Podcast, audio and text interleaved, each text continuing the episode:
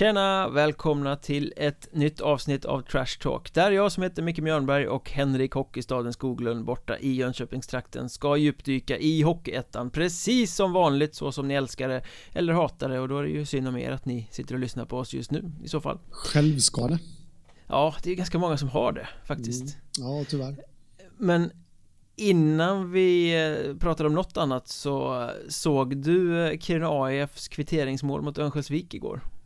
Uh, nej, det såg jag inte faktiskt. Du får fylla i där. Vad hände? Boxplay eh, AF-backen Julius Marva ska bara rensa pucken Bort med skiten Slår ett slagskott från tekningscirkel egen zon Som går in på andra sidan isen Oj, stackars den målvakten där. Ja, jag sa nej Och sen vände de eh, matchen och vann med 4-3 efter det där Men det, det var en sån här Det kommer ju några såna här eh, sjuka grejer varje år. Mm. Eh, det här var väl årets sånt klipp då kanske. Ja. Det har man fastnat mest på min näthinna är från den säsongen som Västerås var nere i eh, Hockeyettan och eh, spelade en sån här svintajt allettan-match tror jag att det var borta mot Mariestad. Och hemmabacken Johan Frick får tag i pucken framför egen målvakt. Han ska väl bara skicka bort den i sargen tror jag. Men skickar den rätt i egen kasse Ja just det, men det, det minns jag Det är ju sån här, ja, det... man lägger såna här mål på På uh, minnet det, det, är nästan lite roligare än snygga mål Ja, men det är det ju det, när man har det där att man, eh, man skrattar åt andras olycka då som eh, den lilla handikappet man ändå har så, eh, så är det ju såklart ofantligt roligt. Kan ju förstå att det inte är så jättekul för dem som, men de kan säkert skratta åt det sådär i efterhand. Ja, förmodligen. Ja, det är synd om målvakten. Nu vet jag inte riktigt vem det var som stod men man pratar ju inte så mycket om själva målvakten, bara om händelsen men det blir ju lite som ett, mm. ett hån såklart måste ju liksom vara att man, eh, det skulle ju målvakten aldrig erkänna, men ändå hade man själv stått där så hade man garanterat stått och sovit lite mellan varven. Om, när, när det andra, eller sitt egna lag trycker på liksom. Eh, om det kan vara något sånt, att man inte riktigt har full fokus då och tänker på annat. Ja, det, jag vet inte. Det, säkert. Jag, Sen kan det ju bli sådana här lömska studsar och sånt också. Ja. ja, jag har ju målvaktshistorik dock inte ishockey, så, men jag står ju så för det mesta. ja, det, det, är väl lite din personlighet också att vara ja, lite ungefär. på efterkälken. ja, men lite så, vet. Lite slow sådär.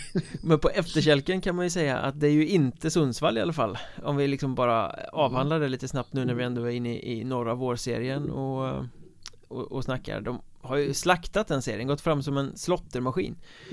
Eh, och rusar mot play-in-spel. Mm.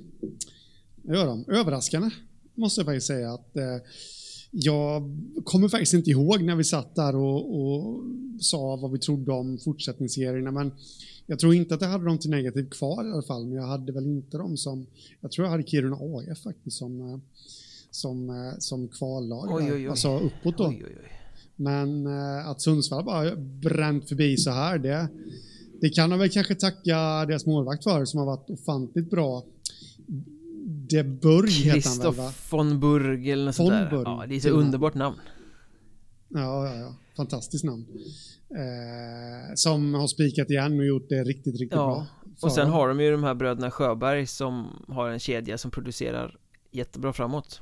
Som är underhållande att titta på också ja, men att Sundsvall hade en topp Det visste vi väl men att de skulle vara så konsekvent på den toppnivån Det är oerhört oväntat eh. Eh, Ja eh, för, att liksom vara väldigt elak här nu Eller låta väldigt elak Vad, vad har de för motstånd då? Nej så är det ju såklart Men om, om man ska ta det ur den synvinkeln så har de ju varit ungefär samma klass som motståndet i grundserien så, så där ja, har de ju steppat absolut. upp Sen är det ju också så att de har spelat nio matcher och, och Kiruna IF och Vännäs och de här som ska jaga efter har väl spelat fyra, fem matcher mm. Eh, men det sätter ju ändå press på de andra lagen som måste vinna väldigt många matcher i rad för att ta sig ikapp Sundsvall Ja, ja precis Men jag vet att du hade en, eh, när vi ändå snackar kval och de här vårserierna och neråt Du hade en liten take på det här med kvalet och hur det mm. borde gå till kontra hur det ska gå till. Ja, ja men precis. Jag, jag kan inte ta åt mig hela äran för den. För jag fick faktiskt det från en lyssnare. Som ett litet tips Vi här. Vi älskar lyssnarinteraktion. Ja. Det gör vi verkligen. Och eh, sen då, jag har varit inne lite på det här innan vet jag. Eh, någonstans kan jag väl tycka det. Alltså om, man tar alla 47 lagen och sätter dem rakt upp och ner så är det faktiskt så att vissa lag som kommer tvingas till kval i eh, Hockeyettan här eh, nu till våren, de tillhör inte de sämsta lagen. De, ska egentligen inte kvalitetsmässigt riskera att åka ner till kval, men där har vi då den geografiska ja, vad, vad du säger mellan raderna är att eh, Hockeyettan norra borde utraderas och söderlagen får vara kvar. Nej, nu var det inte så jag sa, men, eh, men om vi då tar Söder exempelvis så jag tror faktiskt i alla fall tre av fyra lag i Söder som just nu ligger på kvalplatsen skulle definitivt undvika kvalplats i de andra serierna. Ja, de hade gjort processen kort i både öster och norr. Ja. Ja, ja, det tror jag absolut. Så att, um, det, det, där kan man tycka är lite orättvist. Och då fick jag advice från den här lyssnaren då som tyckte att det var ofantligt eh, orättvist här att eh, så som han beskrev det hela då att när du kvalar upp till Hockeyettan en normal säsong då kvalar du upp till Hockeyettan. Du kvalar egentligen inte upp till södra eller norra serien. Eller oh, norra, det var, det var ett dumt exempel nu för norra är ju alltid frikopplade. Men du kvalar inte upp till norra, västra eller östra utan du, du, eh, du kvalar upp till Hockeyettan så stoppas du in där sen i de serierna som det som det liksom finns Ja, all, all, allting det styrs ju över vilket lag som flyttas ner från Hockeyallsvenskan och vilka som kommer upp underifrån. Ja. Eh, och sen görs ja, serie, serieindelningen görs geografiskt södra, västra, östra utifrån var lagen som har kvalificerat sig befinner sig på kartan. Så kan man väl säga. Ja, precis. Och samma sak med det här hattandet lite då med exempelvis eh, Dalen och Tranås. Ja. Som har flyttats mellan södra och västra. Det är ju det är för att de tillhör Hockeyettan. De tillhör egentligen inte Hockeyettan södra. Enköping och Nyköping som har flyttats mellan västra och östra. Precis. Men när du ska kvala neråt, då tillhör du din region. Eh, med andra ord, alltså det, du, är du i södra så, så är du i södra. Liksom. Du, ja, det finns inga livlinor där. Och då, då kom den här personen med, borde man, alltså en sån här säsong när inga lag från tvåan ska kvala mm. uppåt, mm. det är lite färre lag som ska kvala, varför inte baka samman serierna då? Och jag började spinna vidare lite på den här tanken att ja, det skulle man faktiskt kunna göra. Man skulle ju faktiskt kunna slå ihop norra med exempelvis östra. Eh, så de kvalar ner till tvåan och kvalar sig kvar till ettan. Och samma sak med södra och västra. Eh, där vi så att det blir åtta lag, sju lag i, i norr då. Eh, åtta eller sju lag i varsin serie där som där de fyra första blir kvar, helt enkelt. Mm. Eh, alltså på pappret eh, jätteintressant men det finns ju ett svar på det där och det är ju ekonomi. Det är ju ekonomiskt totalt oförsvarbart att lag från botten östra ska åka och spela mot botten norra och tvärtom det, det jo, går ju inte, då hade man ju fått åka till typ så här Hudiksvall eller Östersund eller något, någon neutral plan och klara av det på en helg, smålagsspel ja. Sådär som vi har pratat om innan Ja, precis Tre mot tre. Nej men äh, absolut och jag, jag köper dem, den tanken rakt av. Sen har jag en annan äh, vinkel på det där också då varför det inte går. Det är ju att det skulle vara alldeles för sent nu att ändra liksom. Jag, jag, kan ju tänka mig att eh, vissa lag i, i de här väster, öster och norr kanske inte skulle vara så pigga på det. Om man nu eh, Inga lag skulle vara så pigga på det. Ja, möjligtvis de i söder då som är ganska, ja, ganska säkra på att de skulle slå ut lagen från väster. Ja, ja men precis. Eh, så det är ju så. Men, men däremot så ekonomi och ekonomi. Ja, visst, eh, vi har varit inne på det här innan. Jag har full respekt för att det är ekonomiska om man nu tar överlag nu då, för att inledningen till det här egentligen, det var ju den här säsongen, för att den här säsongen finns ju faktiskt möjligheter att kunna klara av det i och med att det är färre lag. Mm. Eh, åtta lagserier, liksom, du, du har max 14 matcher som ska spelas. Det skulle faktiskt kunna gå att funka. Kör du enkelserie så är det sju matcher om du kör på neutral plan exempelvis. Men om man nu tar det en vanlig säsong så om man börjar blanda in ekonomi i det hela, ja men snälla någon, ni spelar i Hockeyettan ni ska egentligen vara, alltså det är ingen som har, jo det är några som gnäller Ganska många. När, när, fast, sen, fast sen värvar de några spetsspelare i alla fall och så, ja. Ja men precis.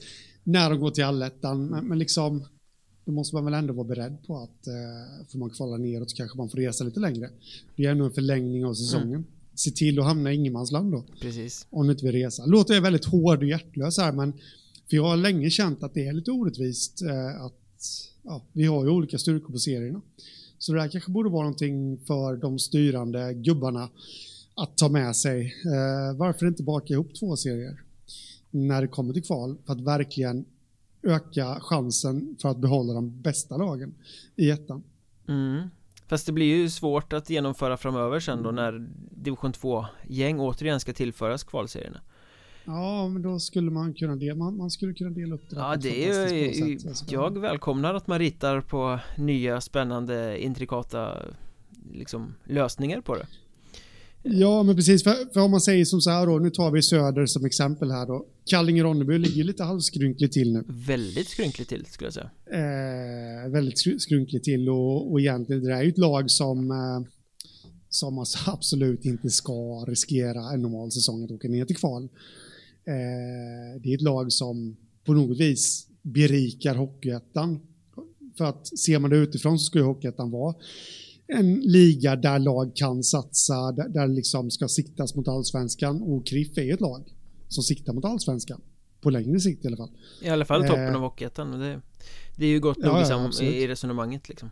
Ja, men absolut. Och de, de ska ju inte ens löpa risk för att åka ur. Eh, det hade de såklart gjort ändå. Eh, nu då, Nej, men även säsongen. vanlig säsong hade de ju inte gjort det. För bot, Nej, botten två hade de ju aldrig hamnat. Nej, nej men precis. Det är bara att kolla på hur den södra serien ser ut där just nu. Det är ju, de platserna ser ut att vara vikta för Borås och Tyringe. Mm. Eh, Så nej, men jag tycker generellt att det är lite halvt orättvist det där. Och det gjorde ju den här lyssnaren också då. Mm. Men intressant resonemang. Ja, instämmer. Ja. Uh, för, för att fortsätta därifrån så nämnde du det själv här också, Borås. Och där måste vi väl också ställa frågan, vad händer i Borås egentligen? Mm. Ja, men vad händer egentligen? Eh, det var någonting i fredags som kom ut där att de hade arbetsbefriat två spelare. Ja, de gömde det fint längst ner i eh, någon sån här inför match-reportage att vi har arbetsbefriat, eh, vilka var det nu? Lukas Karlsson och Oskar Ibnas eh, På grund av att vi inte kan erbjuda dem speltid, bla bla bla.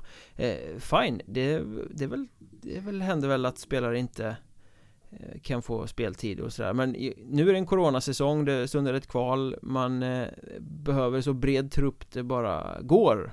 För man vet ju inte vad som händer sen. Och ordvalet Arbetsbefria. Mm. Det brukar liksom, jo, det brukar liksom men, heta ja. i bästa samförstånd så går vi vidare och det är inga hard feelings och sånt här Arbetsbefriar man spelare för att de inte eh, kan få speltid Alltså antingen så är det ett olyckligt ordval eller så ringer det väldigt stora varningsklockor Ja, precis. Det lät lite väl hårt och det som hör till saken också det är att matchannonsen inför eh, fredagsmatchen här mot KRIF, där var ju Lukas Karlsson med. På bild ja. Vilket blev på bild. Eh, och då måste han ha känt till att han skulle få lämna laget där innan, för han var ju lite kritisk mot det. Han gick ut där på Instagram och undrade vad, vad de höll på med. Liksom. Det är ett hån. Så gör man inte. Det, är, det, är, men det känns som ett hån faktiskt. Sen, sen tror inte jag att det var meningen såklart. Nej, de har ändrat den sen. Uh... Ja, det, det, har de gjort. Men uh, jag skärmdum. Ja, ja, jo, jag, jag menar det. Men, men, så att det var ju liksom uh, ogenomtänkt kommunikation.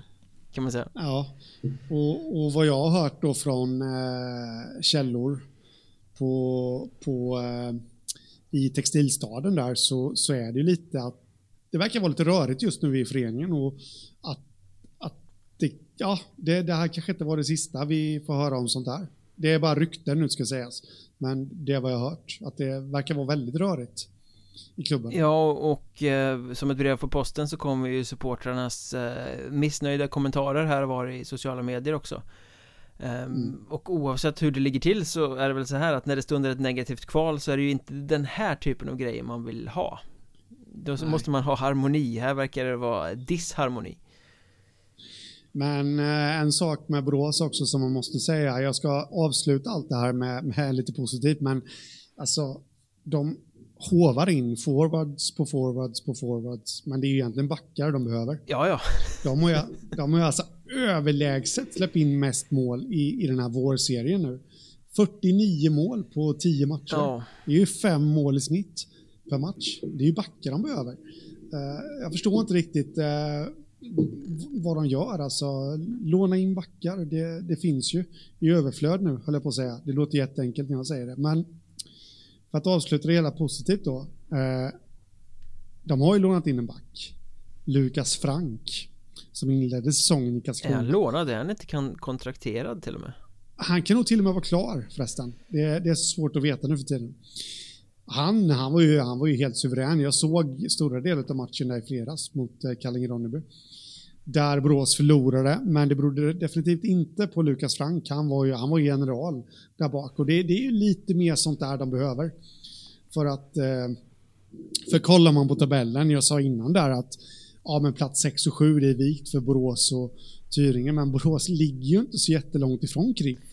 Det är ju faktiskt bara tre poäng. Fast Borås tar ju De sina här. enda poäng mot just Tyringe och Halmstad som verkar, De verkar vara ett Ja. boogie-team för Halmstad Ja, Men i övrigt så är precis, de ju inte nära.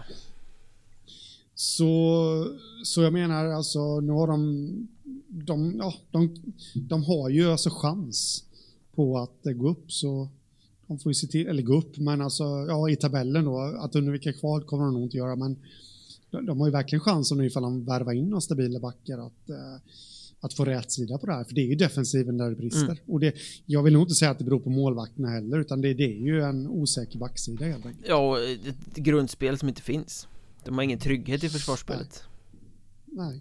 Men när du ändå snackar backar så har jag två finska backhyllningar som jag skulle vilja kasta in här eh, Dels den här eh, Niko Mikkola som Visby plockade in inför helgen som gick De har ju lite Mm. problem på backsidan, lite skador så de gick ut och så värvade de den här mästisfinnen och det har ju kommit eh, ganska många mästisfinnar till Hockeyettan senaste tiden Vissa har färgat direkt som i Nybros fall med Janne Väyrynen och Eero Savelahti och de här Vissa har haft lite trögare att komma igång men Den här Niko Mikkola han öppnade ju med hattrick borta mot Mörrum i sin första match Mm. Och sen specialkollade jag lite på honom i, på söndagen då när han lirade borta mot HC Dalen. Och där kan man ju säga att där har ju Visby fått in en guldklimp.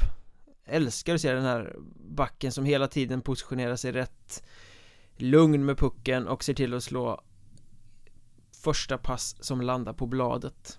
Inget kladd, Mm. rätt liksom. Skapar sig tid.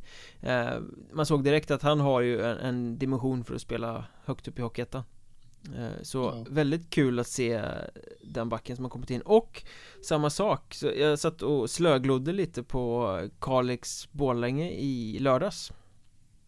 Och i Kalix, en för mig helt, eh, helt, helt ny eh, bekantskap Viljami Jusola.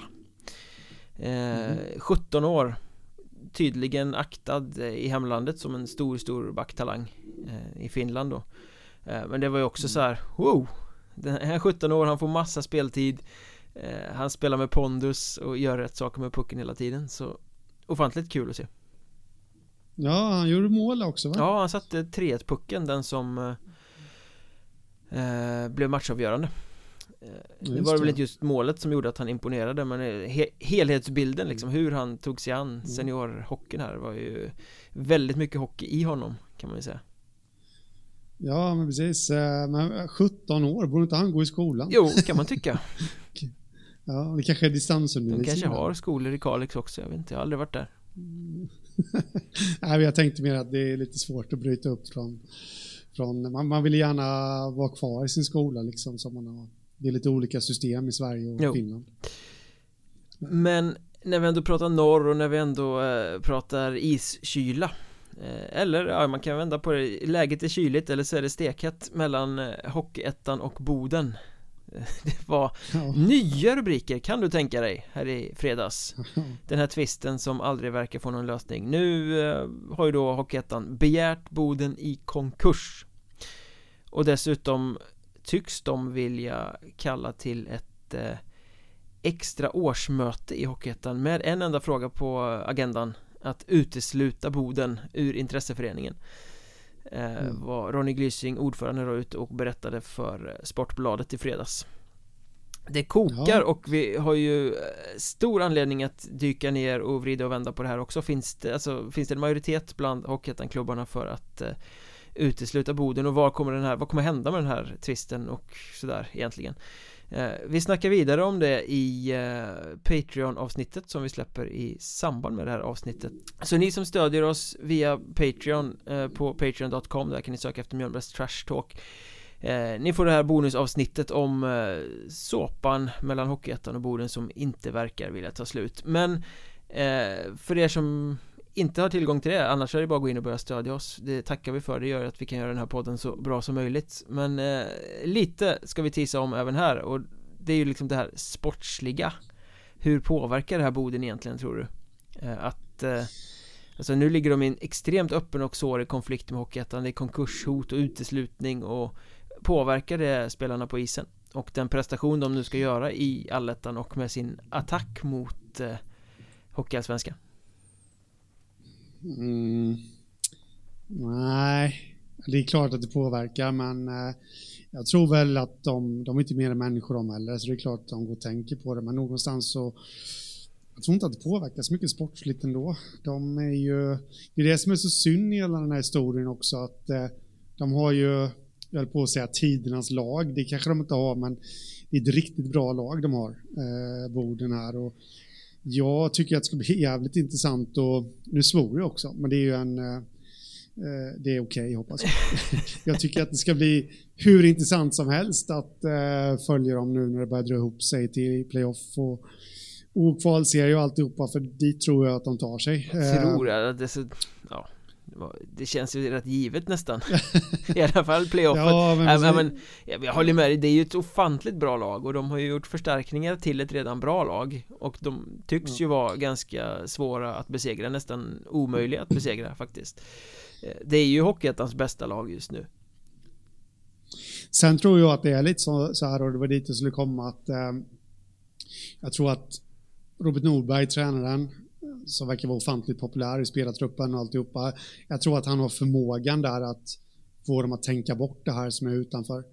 Eh, och liksom det, vi är ett lag, vi har ingenting med, med föreningen att göra, det är klart att de har det, men, men du förstår själva mm. tänket där. Att det, det vi, vi är de enda som ska göra det på isen, så vi får tänka bort det. Det andra kan inte vi påverka. Jag får för mig att han är väldigt bra på sådana saker.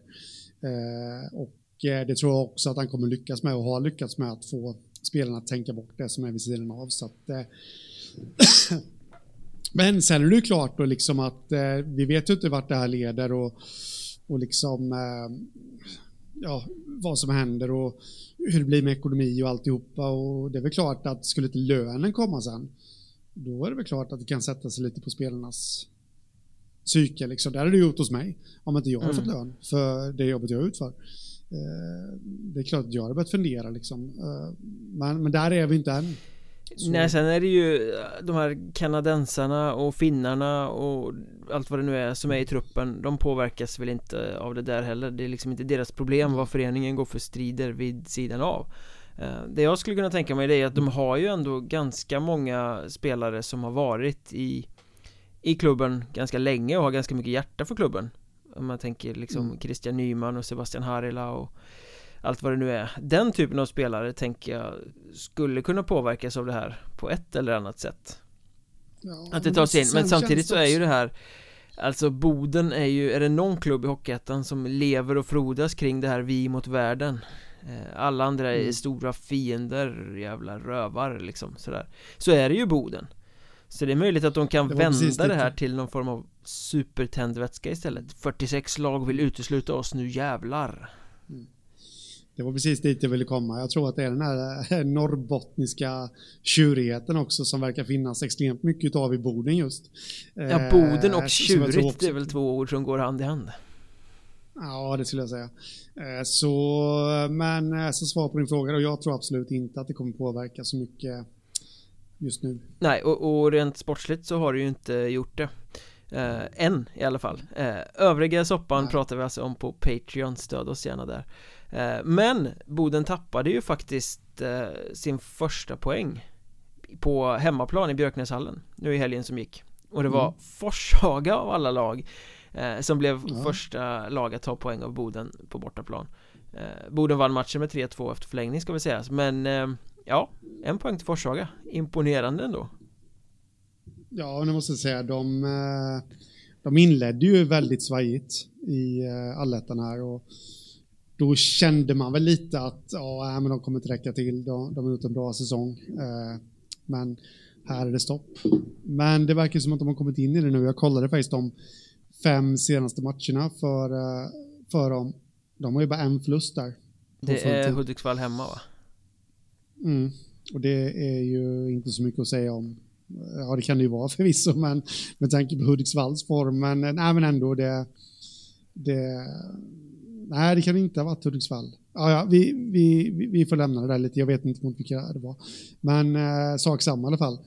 De har gått riktigt starkt och det känns som att de har hittat eh, sitt sätt här nu. Eh, det de fick de elva sista omgångarna i grundserien.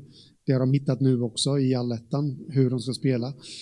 Målvakten här, David Söderberg, har ju varit eh, bra som vanligt. Och, eh, ja, kollektivet är ju väldigt starkt. Att, ja, Dennis Hall Hockey, tränaren där, han har ju verkligen eh, satt sin prägel på det här gänget och eh, Ja, det känns spännande faktiskt på hur långt det här kan Ja, en, en liten sån här eh, mm, eh, fotnot i kanten som man skulle vilja lyfta fram var att ja, men de har kanske lite svårt med målskyttet. De, de är eh, imponerande men de är kanske lite trubbiga, det är för få spelare som bidrar i offensiven.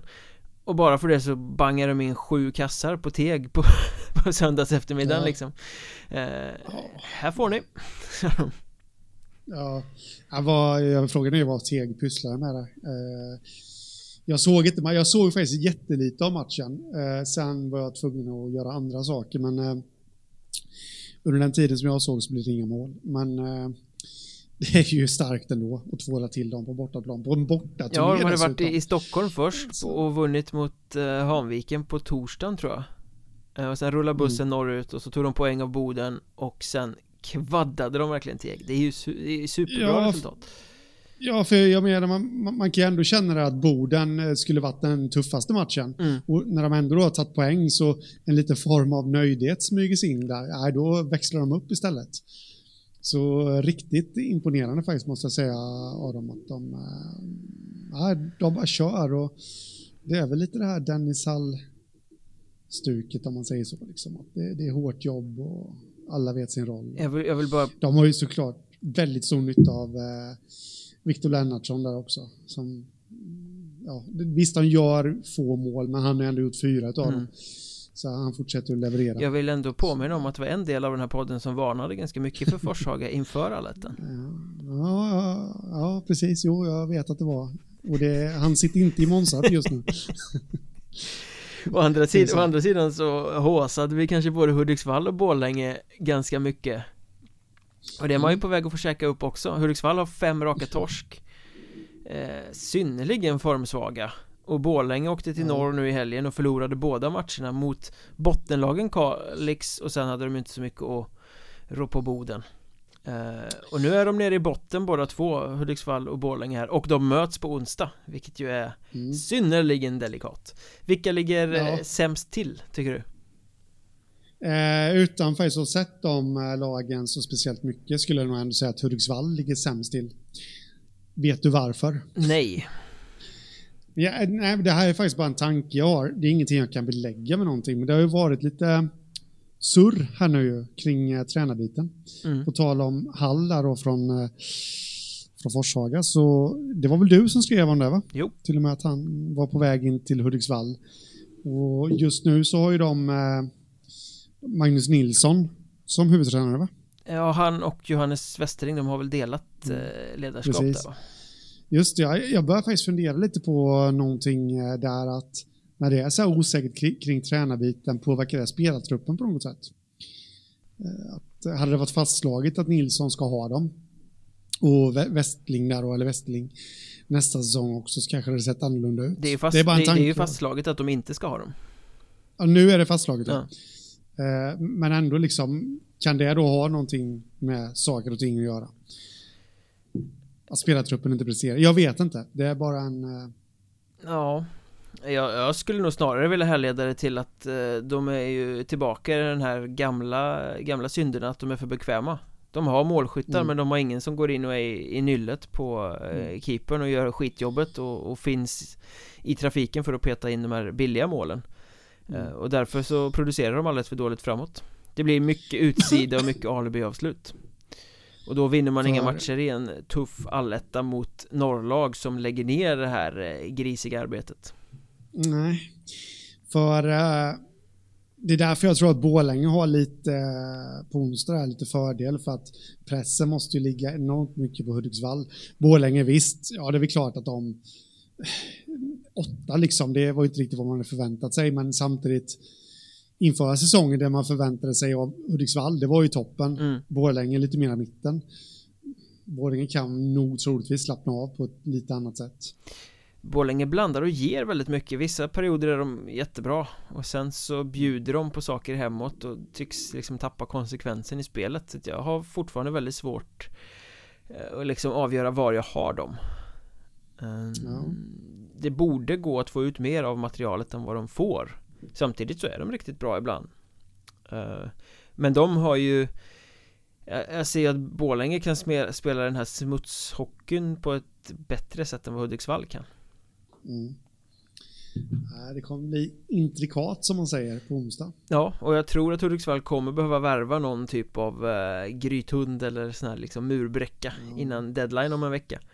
Känns ju ändå sådär att de ska behöva värva. De har ju värvat alla redan rätt mycket. Jo, jo, men har man värvat fel typer så måste man göra om och göra rätt. Mm.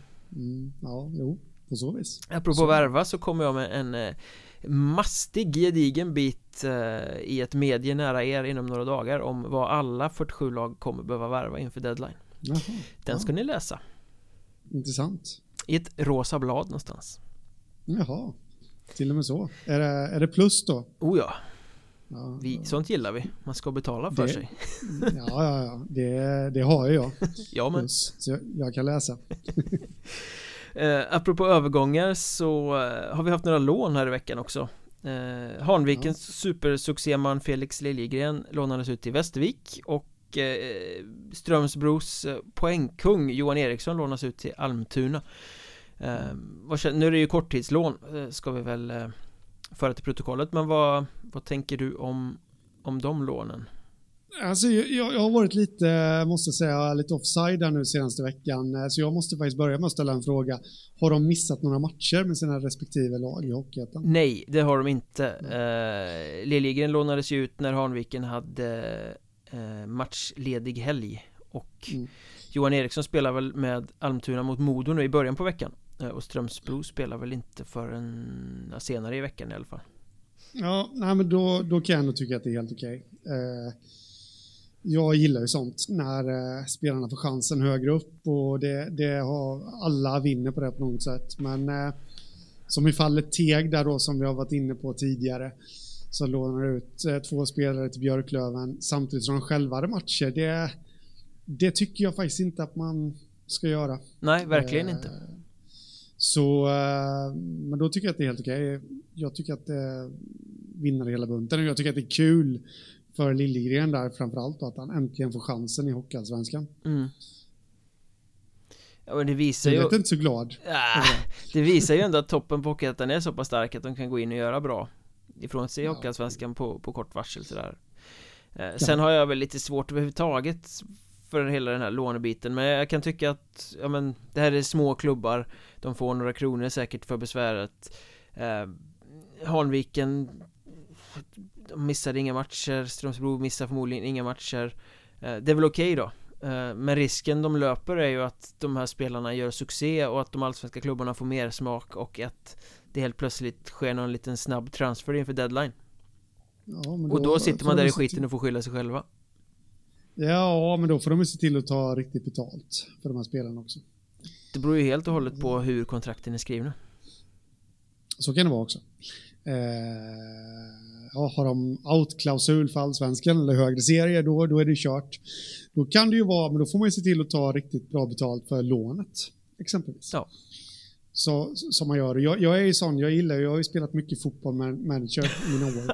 nu, nu ska vi in på eh, den här, det här gillar jag nu. Det här blir intressant. Ja, nej, men jag gillar ju det här med spela affärer och det är sånt faktiskt jag tycker att man ska ha i hockeyn lite också där. Eh, att eh, nu är det mer när, när kontrakten går ut, liksom, eller att det finns en massa klausuler hit och dit, men jag tycker att man ska ha, att man får köpa loss spelare. Mm.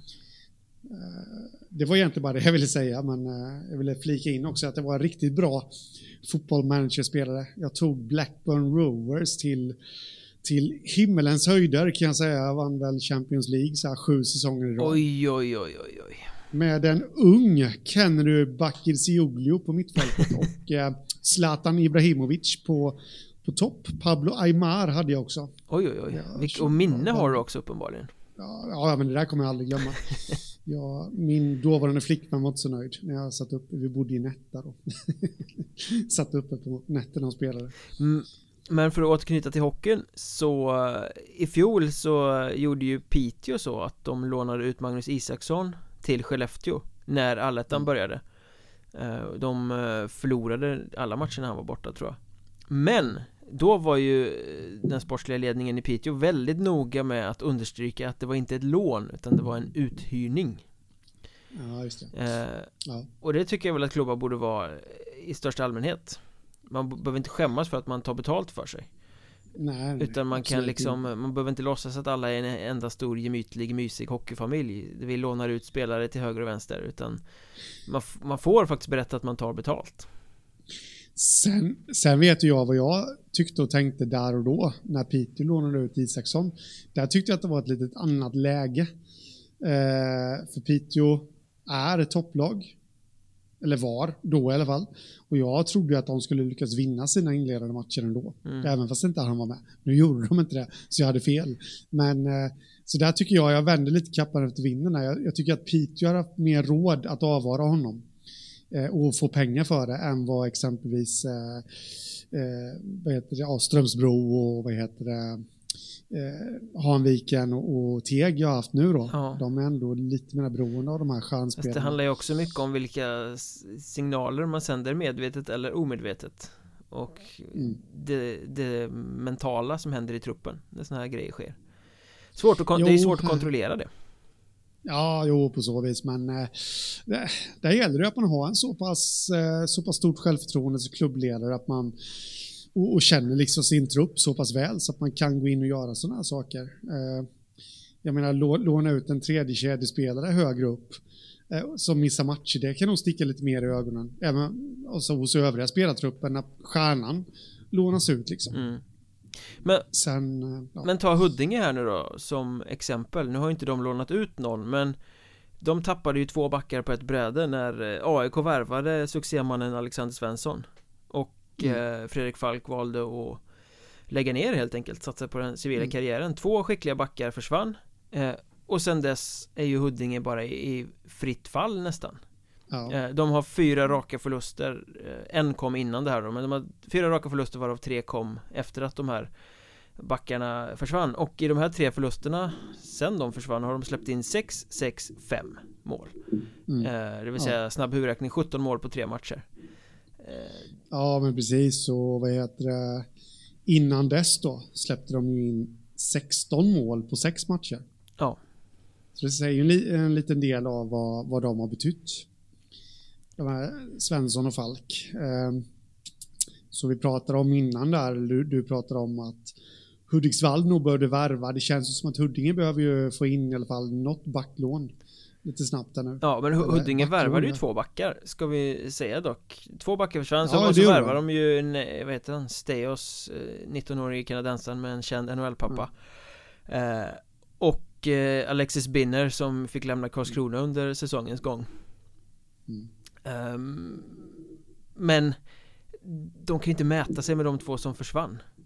Och mm. någonstans så känns det ju som också Det är inte bara två skickliga hockeyspelare som har försvunnit och ersatts av lite mindre skickliga hockeyspelare um, Det är också en mental käftsmäll på truppen på något sätt mm. Ja, det verkar lite som det uh, Jag uh, Nej, jag, jag har lite svårt att säga så mycket mer. ja men sen de här förlusterna då, de 3-2 förlorade de borta mot Mariestad och sen hoppade de här två backarna av och efter det så blev det ju då storförlusten borta mot Nybro och HC eh, Dalen och det är ju ändå ettan och tvåan i serien så det kan väl vara hänt, tänker man Men nu senast då, söndag eftermiddag så gick de och torskade mot jumbon Mörrum hemma mm. Och det är då det börjar liksom Ah, okej okay. det, det, var inte bara att det var toppmotstånd i de här andra matcherna utan här kanske det är på väg i, i fel riktning på något sätt. Ja, men det, känslan är lite det och de... Eh, nu ska vi inte skylla det här på Stajos och eh, Binner. Nej, nej, nej, nej, nej, nej, det, det är absolut inte deras fel. Men, men jag ville bara säga där att bägge två är minus. Minus. På eh, minus två på två matcher. Där det är ju inte horribelt på något Nej, sätt. speci- men det är ju ett lag som har förlorat med stora siffror så då blir det ju så. Ja, precis. De har ändå inte... Anmärkningsvärt där märker jag nu faktiskt när jag kollar här, det är att Falk hade ju faktiskt minus tre på 11 matcher dock. Men eh, det är ju inte hela världen där plus minus statistiken där. Nej, man vet ju inte hur den är skött i ettan heller så att det är ju... nej, det, det, vet, det var nog han. Ja, precis. Oj, hade de ingen 43? Nej, det var nog han i alla fall. precis. Ja. Apropå backar så gjorde ju Karlskrona klart här om dagen med en eh, engelsk eh, före detta Lancashire. Landslagsman fortfarande bara att de inte haft några landslagssamlingar. Jag vet inte men eh, landslagsmeriterade i alla fall. David Phillips. Eh, Men idag så fick de backa och säga att nej den här värvningen blir inte av för Hans fru jobbar inom vården så han kan inte komma. Ungefär. Nej. Och återigen sprack en KK-värvning Som de går ut och presenterar och som sen inte blir av. Alla minns eh, Conor McLennan och Ridley Greig eh, Inför säsongen. De här kanadensiska eh, draftaktuella talangerna som aldrig kom. De ändrade sig. Mm. Eh, Och sen sägs det ju att de har haft någon annan klar som skulle komma som de inte hann presentera innan det sprack. Och så nu det här då. Och då är ju frågan Varför spricker Karlskronas värvningar hela tiden? Det, det ser ju ut som att det är lite för ofta för att det ska vara en slump Ja, eh, precis. Det känns som att de är lite för, eh, för snabba på att gå upp med det kanske. Eh,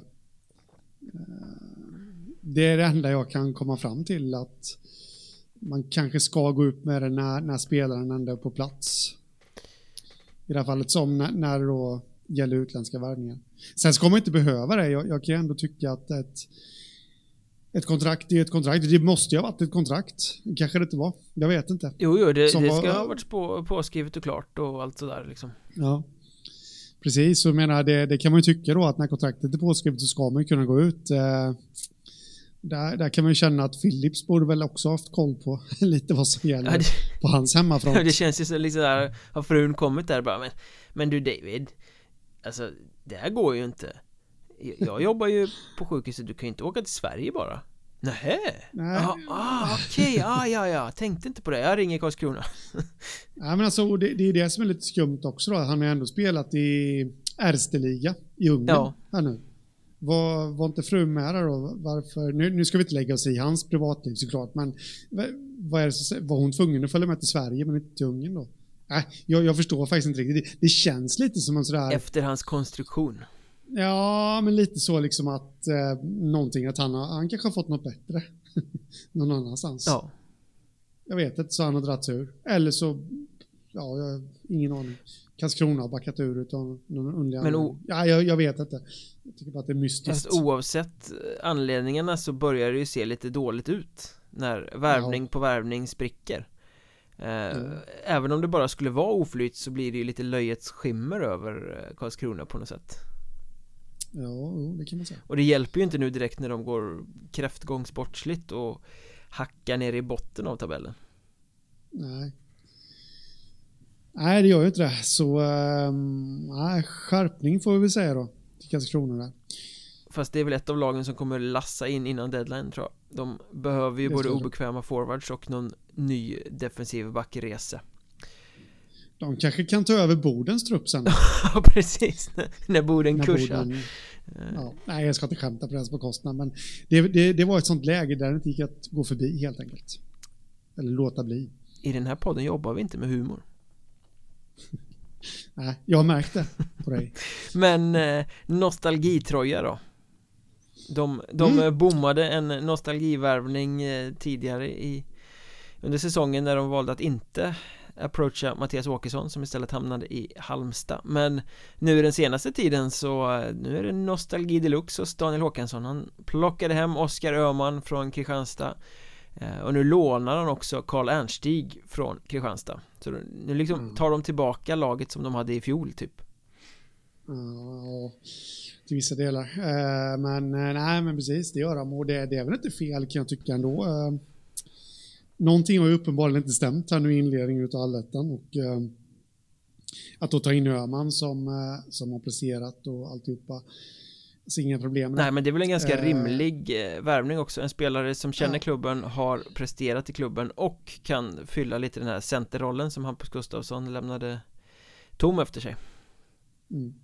Sen, sen, vet jag inte riktigt, visst det har ju fallerat lite defensivt där och jag, jag har lite dålig koll på, jag har dålig koll idag känner jag, men ifall det är skador och sånt i Troja, jag blir ändå lite fundersam på att de tar in en, en back sådär. Vad, vad gör de det för? Är det för att rädda situationen som är just nu eller tänker de mer på längre sikt? Ja, det är ju för en vecka så det måste ju vara just nu. Ja, uh...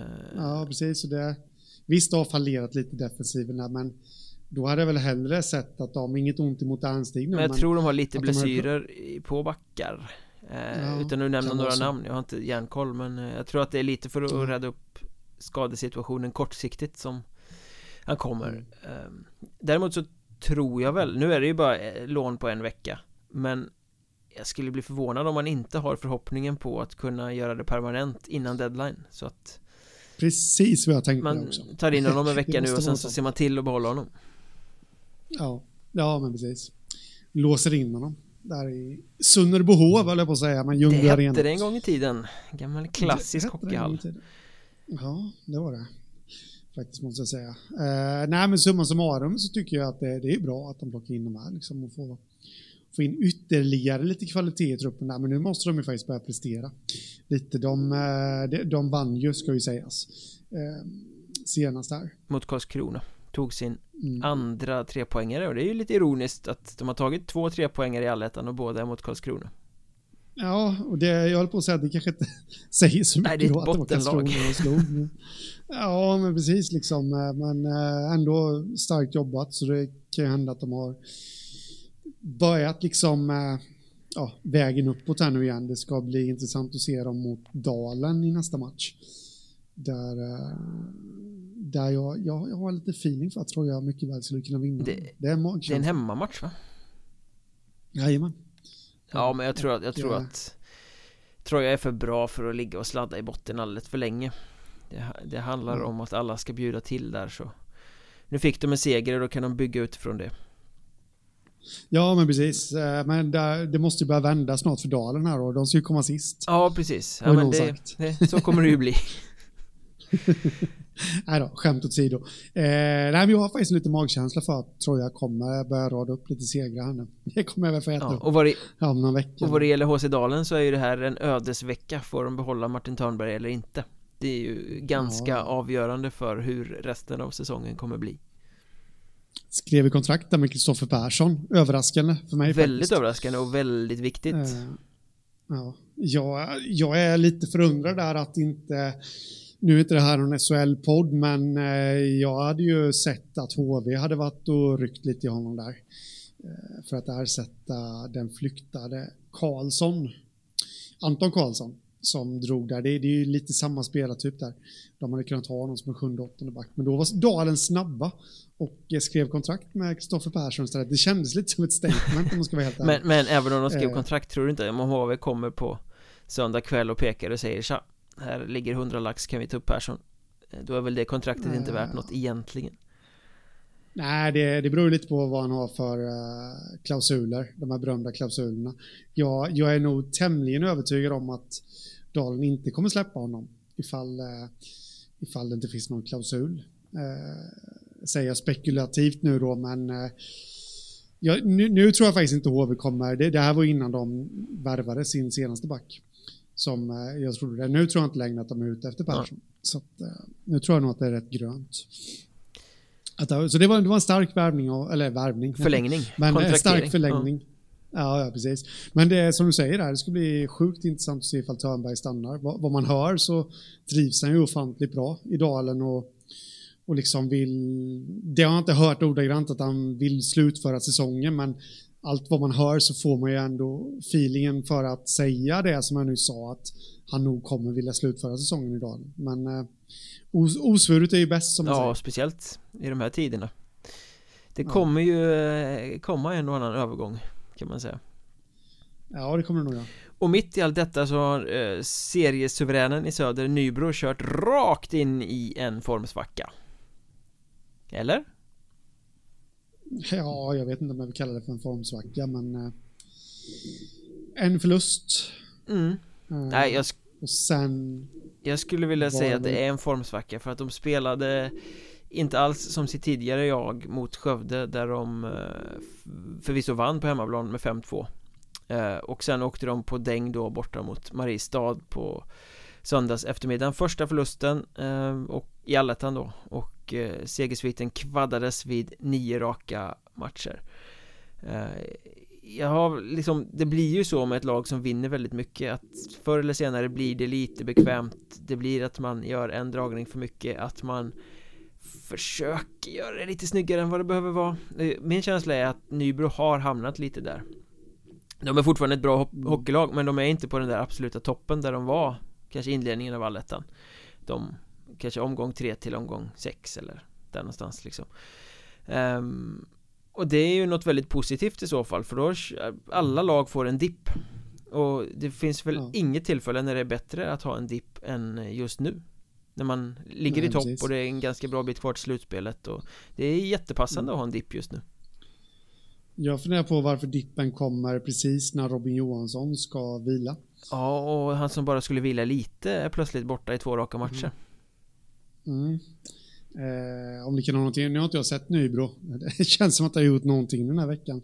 Jag har inte, jag har inte sett någonting känns det som. Men eh, jag har inte sett Nybro hur de har agerat sådär utan honom. Eh, och vad jag ser på statistik och sånt så har ju absolut inte Albin Andersson gjort bort sig utan han har gjort Ja det bra. han kan jag säga Eh. utifrån det jag har sett också att han har spelat riktigt bra Trygg Ja. För att vara en, en ganska eh, lite matchad andra målvakt så spelar han oerhört Mm. eh, tryggt och stabilt Så, eh, men det, jag har ju hela tiden den här åsikten om Nybro, det har jag haft väldigt länge, att de är väldigt beroende av Robin Johansson. Mm. Eh, sen vet inte jag om det har påverkat deras spel nu, men eh, det gäller ju att han är tillbaka. Ja, ska deras säsong sluta på ett positivt sätt så måste han ju tillbaka eh, Sen klarar de ju sig enskilda matcher utan honom givetvis Eh, men, men jag skulle vilja säga att det är lite formsvacka spelmässigt hos Nybro faktiskt. Och då blev de ju arga i Mariestad såklart. Eftersom de nu var första laget som besegrade Nybro och det, det pustar ånga ur öronen på dem om man säger att det var för att Nybro hade en dålig dag. Eh, Och det där är ju en gråzon faktiskt. För eh, jag fick frågan av eh, Christer Holm Denna underbart engagerade Mariestads eh, supporter som ni hör i podden med jämna mellanrum ibland också. Eh, han ställde frågan jag Ska se så att jag får det ordagrant här bara. Eh, är det bara en formdipp i Nybro eller är Mariestad ett bra lag? Frågetecken. Och för att svara på den frågan så utesluter ju inte det ena det andra så att säga. Mariestad är ett jättebra lag och Nybro har en liten formdipp och då är det väl som så att för att kunna besegra Mariestad på bortaplan så måste man vara i sin toppform. An Annars Ja, precis. har man inte en chans att vinna det. Så skulle Nybro kunna vinna i Mariestad eh, så hade de varit tvungna att stå på sin absoluta topp. Nu gjorde de inte det och då var Mariestad ett mycket bättre lag i den matchen Helt enkelt. Eh, Och eh, Mariestad är ett bra lag. Sina bästa dagar. Ja, men, ja. Nej, men det, det är ju bara...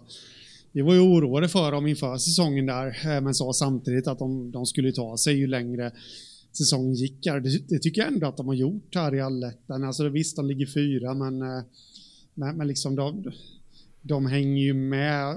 Om man säger som så här, hade de börjat med allettan där i oktober, då tror jag att de hade legat bland de sista Mm. lagen. Men det gör de inte nu, utan de har ju verkligen tagit sig. Det känns ju bara som att det finns mer och mer att kräma ur, ur den där truppen liksom. Eh, så att... Eh, nej, eh, Mariestad är bra. Men om Mariestad står på sin topp och Nybro står på sin topp Vilket lag vinner? ja. Nybro. Så är det ju faktiskt Så Så är det, pysa ur öronen i alla fall. Eh, Nej men, eh, ja, men jag, tror, jag tror att Mariestads stora eh, liksom, motstånd kommer vara att de är eh, fortfarande ganska orutinerade. Det är många spelare som kommer göra sina första slutspel i bärande roller eh, och sådär. Det är Mm. väldigt många som måste klicka i samtidigt. De kommer vara, kommer vara bra men kommer de vara Ja. så konsekventa som det behövs för att tillhöra de absolut bästa lagen? När du börjar snacka Boden och allt det där på andra sidan isen, jag är tveksam Sen ska vi ha klart för oss också med Mariestad att de tog ett litet uppehåll här nu på grund av corona. Ja. Eh, också och det, det är klart att det kan jag, jag faktiskt, nu kommer det igen och jag har lite dålig koll här på hur det har gått precis efter det här coronabreaket. Eh, jag vet att de... Eh, Nybro var första matchen efter coronabreaket. Ja, det var, det var första ja. matchen här. Ja, ja men då, då har det inte gått så, så vansinnigt dåligt då. Nej, de vila, vilade sig i form kan man säga. Ja, ja precis. Så att, jag fick för mig att det kom tidigare. Herregud, veckorna Det är väl en och en halv vecka de stängde igen typ eller? Ja, Just där. Tid, tid flyger.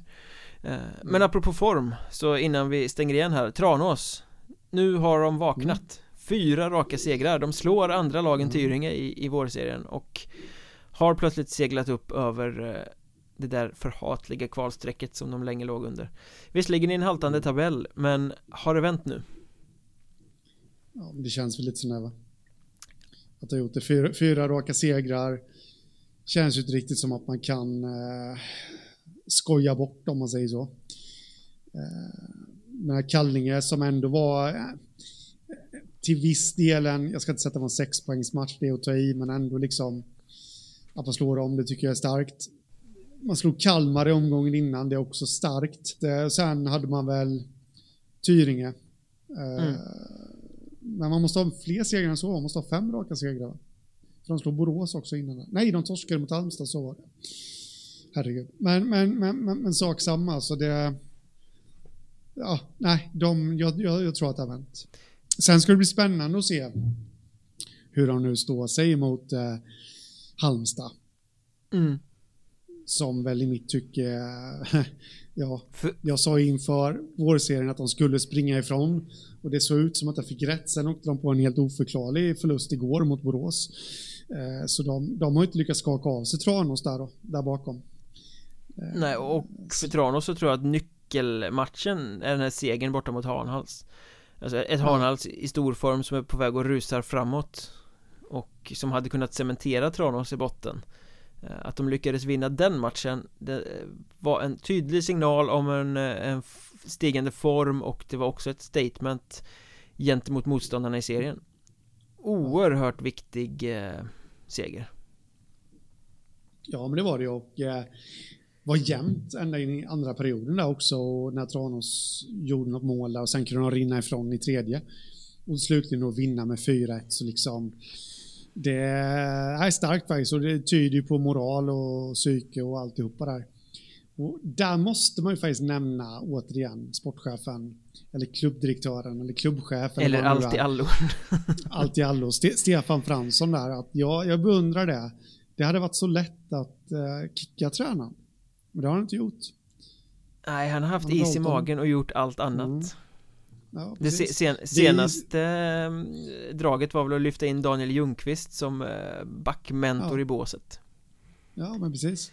Och jag, jag, tycker att det är så starkt och det är liksom värt all världens applåder och det visar att han tror på, på tränaren där. Eh, Högberg, Niklas Högberg. Mm.